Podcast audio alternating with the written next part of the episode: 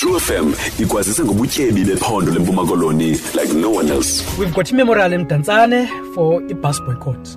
I think it was 1985. So whereby a bus, uh, it was raised by five cents. Then abantu they boycotted the buses bayosebenzisa i-train. Usebe wathi mina wapolisa to beat abo bantu and shoot them. And then about 11 people were killed by the police ngaloo mini ngenxa ibhasi besebenzisa ii-trains. And ii-trains ngoku bezesouth africa then iibhasi so you'll see imemorial iphaa kwa-nu8 e-egerton railway station. So kuthiwa yi-egerton uh, memorial. So it's also one of the important memorials we fund apha ebuffalo city. Itrue fm ibhiyozela inyanga yamafa nenkcubeko like no one else